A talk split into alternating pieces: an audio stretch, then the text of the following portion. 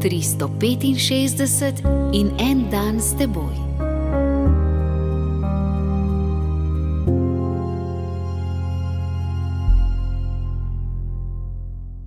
Iz pisma Galačanom, peto poglavje, trinajsta vrstica. Vi ste namreč poklicani k svobodi, bratje. Le da vam svoboda ne bo pretveza za meso, temveč služite drug drugemu po ljubezni. Spominjam se televizijskega pogovora z neko igralko, ki nastopa v pornografskih filmih. Skupaj z režiserjem tovrstnih packarij in drugimi uglednimi kolegicami so namreč v Benetkah pripravili kočljivo predstavo. Zbarke so razkazovale gola sedala in oprsja fotografom, ljudem, ki so se zbirali na bregovih kanala, pa to ni bilo všeč. Zelo sem se zabavala, torej ni nič narobe, je odgovorila novinarki, ki jo je vprašala, ali meni, da je bila pobuda primerna.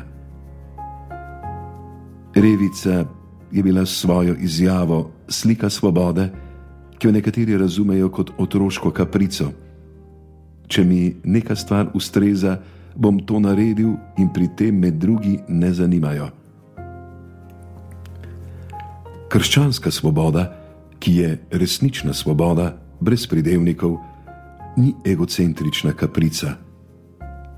Ni odsotnost policistov, ki bi preprečili razkazovanje zadnjic na beneških kanalih.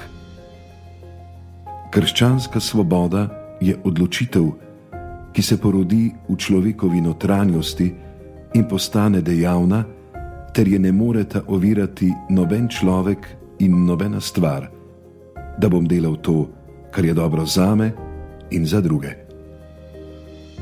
Vsi, ki hočejo svobodo samo zase, jo na zadnje vedno kradejo drugim, najbolj nemočnim.